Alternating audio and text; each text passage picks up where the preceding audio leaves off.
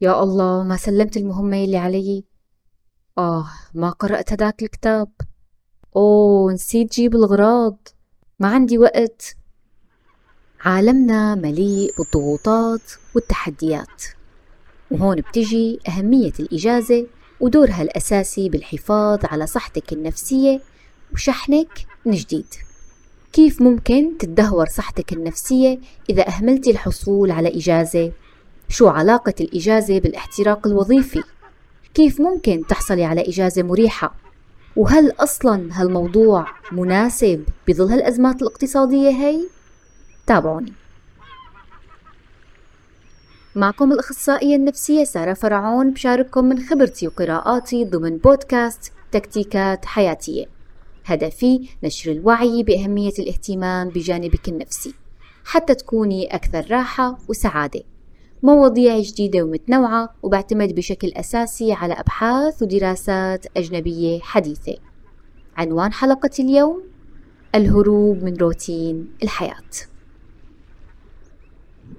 الإجازة مالها رفاهية. الإجازة مو يعني جزر المالديف وغابات استوائية. فهي مجرد راحة وابتعاد عن روتين الحياة وضغوطاته.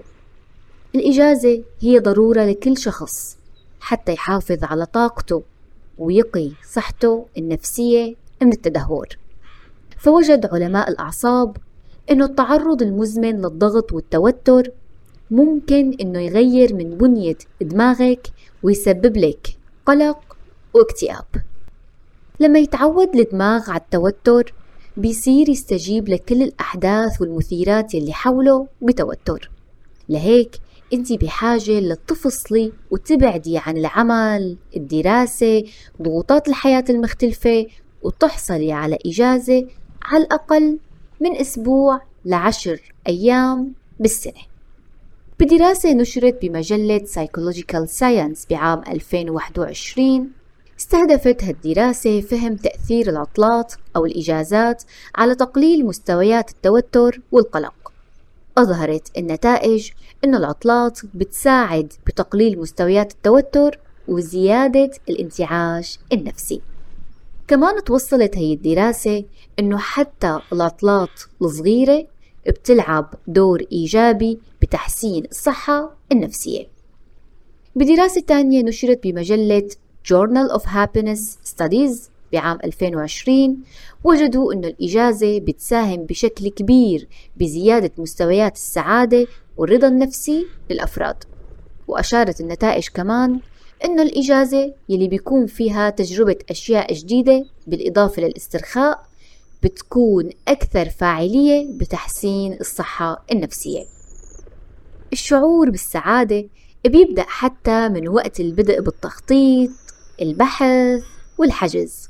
كل هالخطوات هي كفيلة إنه تشعرك بالحماس وتعدل لك من مزاجك. وهي كانت أول فائدة للحصول على إجازة. تعالوا نتعرف على فوائد تانية وعلى نتائج إهمال الحصول على الإجازة. إهمال الحصول على إجازة ممكن يقلل من تركيزك وإنتاجيتك بالعمل وحتى بأداء واجباتك اليومية.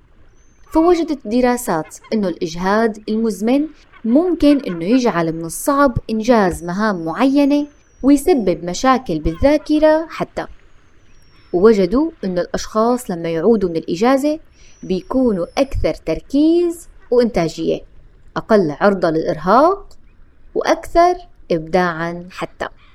فيمكن يكون أخذ إجازة مثل إعادة ضبط لدماغك وشحن لطاقتك. هالشي بيذكرني بقاعدة قناع الأكسجين. لما بنركب بالطيارة في تعليمات بيذكروها في حال حصول أي طارئ. أحد هي التعليمات إنه في حال وقوع الطائرة لا سمح الله بتهبط أقنعة الأكسجين من الأعلى المفروض إنه الراكب يرتدي قناعه قناع الأكسجين قبل ما يساعد الاشخاص الآخرين. بعض الأشخاص بيستغربوا من هي النصيحة أو من هي المعلومة. شلون الأم بيجي من قلبها تلبس القناع وتنقذ حالها قبل ابنها الصغير؟ لكن بالواقع هالتصرف هو الصح لأنه إذا الأم ما عملت هيك ما أنقذت حالها ووضعت القناع قبل ما تنقذ ابنها ممكن هي عم توضع له القناع يغمى عليها وما تقدر تساعده. فهيك بتكون هي ما ساعدت نفسها وما ساعدت ابنها كمان. لهيك لازم نساعد أنفسنا بالأول نهتم بذاتنا قبل ما نساعد الآخرين ونهتم فيهم.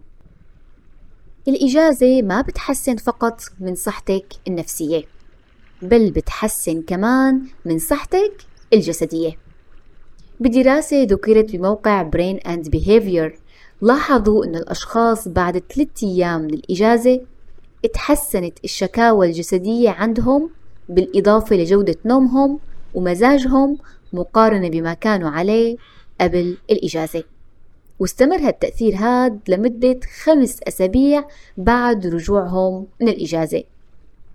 بدراسة تانية أجرتها الجمعية الأمريكية لعلم النفس وجدوا أن الإجازات ممكن تقلل من خطر الإصابة بالنوبات القلبية. حتى ممكن يكون للإجازات تأثير على جهاز المناعة تخيلوا. فالعمل بشكل مستمر بدون راحة بيؤدي لزيادة إفراز هرمونات التوتر وهالشي بيضعف من جهاز المناعة وبيجعل الجسم أكثر عرضة للإصابة بنزلات البرد والفيروسات والأمراض الأخرى. إذا بتلاحظي إنه كل ما تزعلي من شخص بتقولي بس مو هاين علي العشرة الخبز والملح اللي بيناتنا. والذكريات اللي قضيناها سوا. الإجازة بتوطد العلاقات الأسرية والعاطفية كمان لأنها بتساعدنا على خلق ذكريات وتجارب جديدة. الأنشطة والتجارب الجديدة المشتركة هي من أكثر الأشياء يلي ممكن تقوي الترابط بين الزوجين الصديقين وأعضاء الأسرة كمان. وجدت دراسة أجرتها وزارة الصحة والخدمات الإنسانية بولاية أريزونا الأمريكية بأنه النساء يلي أخذوا إجازة كانوا أكثر رضا عن زواجهم. بالإضافة لهالشي الإجازة بتوفر لنا وقت لنتواصل بشكل أكبر وفعال أكثر مع أفراد أسرتنا أو مع الزوج. وهي فرصة للخروج عن روتين الحياة اليومية والهروب من الضغوط والتركيز على الاستمتاع مع العائلة. وعلى الصعيد الشخصي ممكن تكون الإجازة فرصة لتفهمي نفسك أكثر حيكون عندك وقت لتجلسي مع نفسك شوي تتفكري بشخصيتك وين صارت وكيف تغيرت.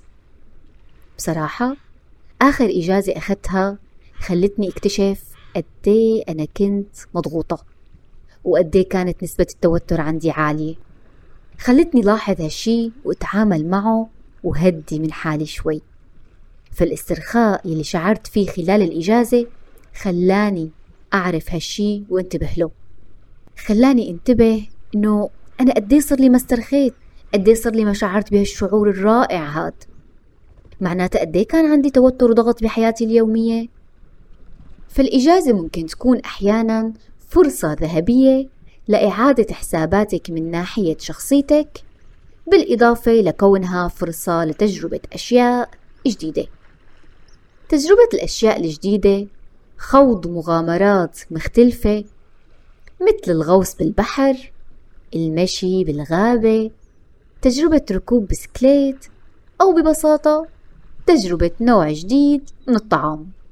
هالتجارب هي ممكن تعلمنا أشياء جديدة تعيشنا مشاعر مختلفة وتحفز تفكيرنا ليفكر بطريقة تانية الدماغ كله مرتبط ببعضه فعل أي شيء جديد ممكن يأثر على نواحي تانية بحياتك شو رأيك؟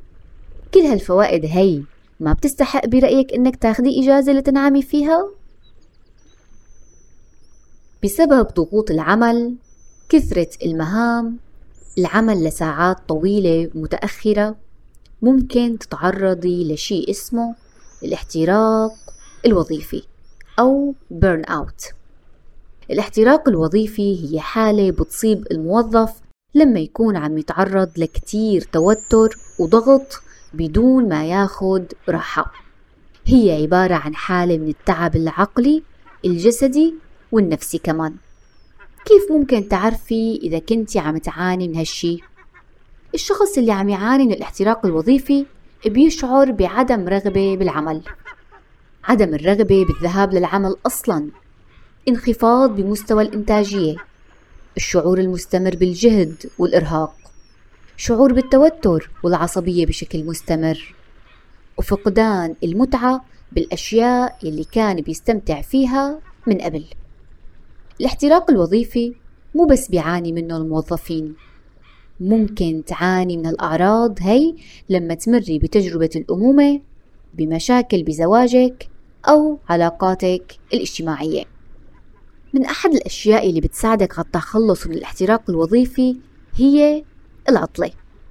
بدراسة نشرت بمجلة Applied Psychology بعام 2021 قامت هي الدراسة بتحليل بيانات أكثر من 5000 موظف لحتى يفهموا تأثير الإجازات على الاحتراق الوظيفي. وجدوا أن الإجازة بتلعب دور هام بتقليل مستويات الاحتراق الوظيفي وتعزيز الصحة النفسية. فالعطلة بتكون فرصة إنك تبعدي عن جو العمل عن المشاكل اللي عم تعاني منها بحياتك اليومية. ممكن فرصة لترجعي تهتمي بنفسك وبزواجك بعد تجربة الأمومة. طبعا لما بتكون الإجازة من دون أطفال.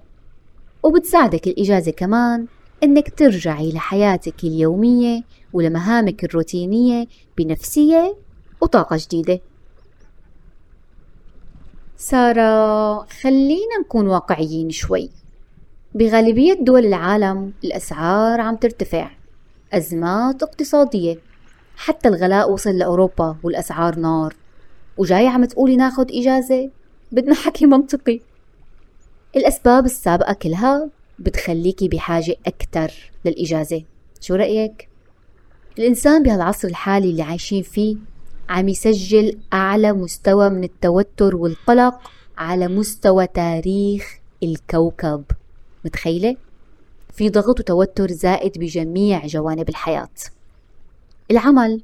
عدد كبير منا عم يضطر يشتغل لساعات أطول وبسبب التقدم والتكنولوجيا والنت صار فينا نشتغل من البيت وهالشي رح يمنعنا من فصل العمل عن البيت عن حياتنا الشخصية. الأمومة والتربية. حرفيا التربية بالعصر الماضي كانت أسهل. ما كان في موبايل social media يتدخلوا بطريقة تربيتك ويتدخلوا بتربية ابنك. ويتدخلوا كمان بنظرتك لنفسك مقياس جمالك مستوى إنجازك وحتى بحياتك الزوجية. كل هالأشياء هي بتزيد من مستوى التوتر بدون ما تنتبهي وبتخليكي بحاجة فعلية وملحة للحصول على إجازة. إجازة أسبوع واحد أو حتى أقل مرة واحدة بالسنة. مو ضروري تكون بهاواي ولا بجزر الكناري. مكان جميل جديد انت بتحبيه وبيناسبك وبيناسب وضعك المادي وميزانيتك. مهما كان الوضع المادي صعب ممكن تبدأي بالادخار قبل بسنة. ممكن تقللي من مصروف شي معين من الكماليات لحتى تدخري منه للعطلة. اعملي خطة للعطلة. في دراسة كتير بحبها. قارنت بين الأشخاص اللي اشتروا أشياء غالية وكماليات غالية مثل مثلا منزل عطلة. أو يخت. وقارنوا بين أشخاص تانيين استثمروا هذا المال بالذهاب بعطلة. تخيلوا أن الأشخاص اللي راحوا بعطلة كانوا أكثر سعادة من الأشخاص اللي اشتروا بيت عطلة يعني بيت عطلة يعني يعني شيء كتير حلو. أو يلي اشتروا يخت. متخيلين؟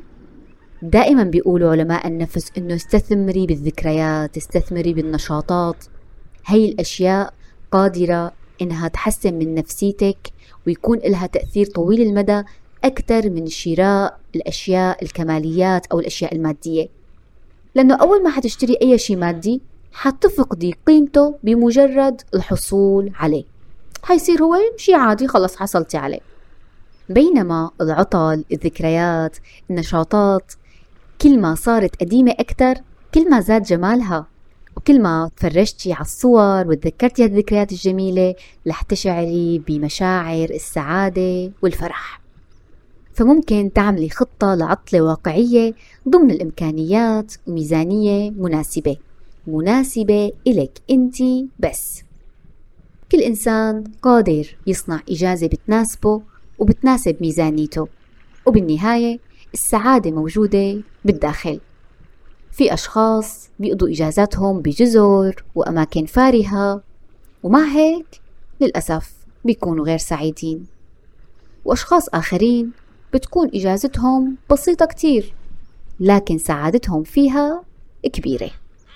من أجمل وأمتع الإجازات اللي قضيتها بحياتي كانت إجازة لمدة يوم واحد وحتى غالبيتها قضيناها بالسيارة. وما دخلنا مطاعم على فكرة ولا أكلنا أكل جاهز. أخذت معي أكل من البيت لأنه خفنا ما نلاقي أكل حلال بالمكان اللي رايحين له.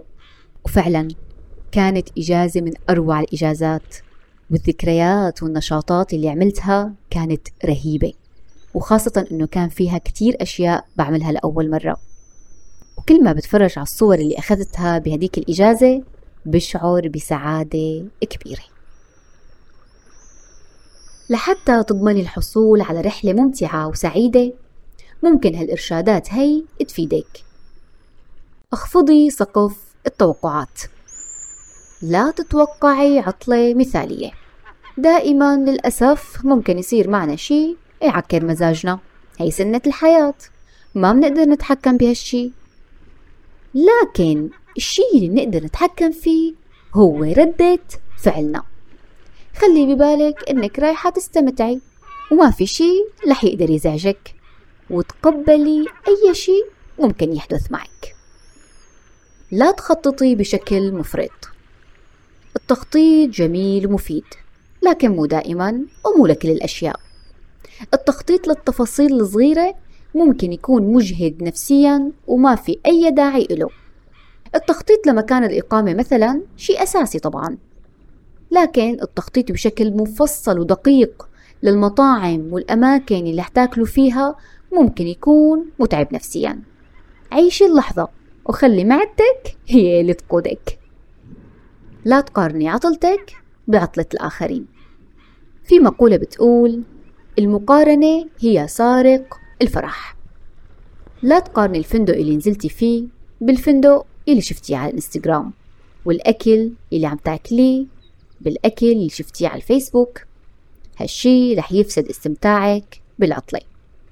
وخاصة أنه ليست الأمور كما تبدو دائما. باريس مدينة النور المدينة الساحرة. هذا حكي الإنستغرام طبعا. بينما الواقع باريس مدينة الفئران. هالحكي من ناس بعرفهم زاروا باريس مؤخرا. حتى في شيء اسمه متلازمة باريس وهي عبارة عن الحالة النفسية اللي بتصيب السائح لما يزور باريس لأنه الواقع ما بيشبه أبدا الشيء اللي شافه بالصور. أطفي جوالك. اغلقي الواي فاي ما بدنا نت ما بدنا جوال ما بدنا social media. هالشي كتير حيهدئ من نفسيتك وعن جد كتير رح يشعرك بالرضا والسعادة. وأخيرا عيشي اللحظة. استرخي واستمتعي. الجوال إذا ما انشحن ببطل قادر على العمل. وذواتنا إذا ما شحناها واهتمينا فيها كمان بتبطل قادرة على المضي بالحياة بشكل جيد وفعال. العطلة مالها كمالية. العطلة استثمار رائع بصحتك النفسية وعلاقتك الزوجية والأسرية. استكشفي أماكن جديدة. مارسي رياضات متنوعة. وانغمسي. بأنشطتك المفضلة.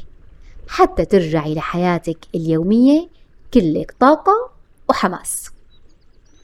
بتمنى تكون عجبتكم حلقة اليوم. تقدروا تخبروني رأيكم عن طريق صفحة تكتيكات حياتية على الفيسبوك اليوتيوب أو الإنستغرام. إما عن طريق تعليق أو رسائل الصفحة. لا تنسوا تعملوا متابعة ولايك للحلقة. تقدروا كمان تحجزوا استشارة معي عن طريق رسائل الصفحة.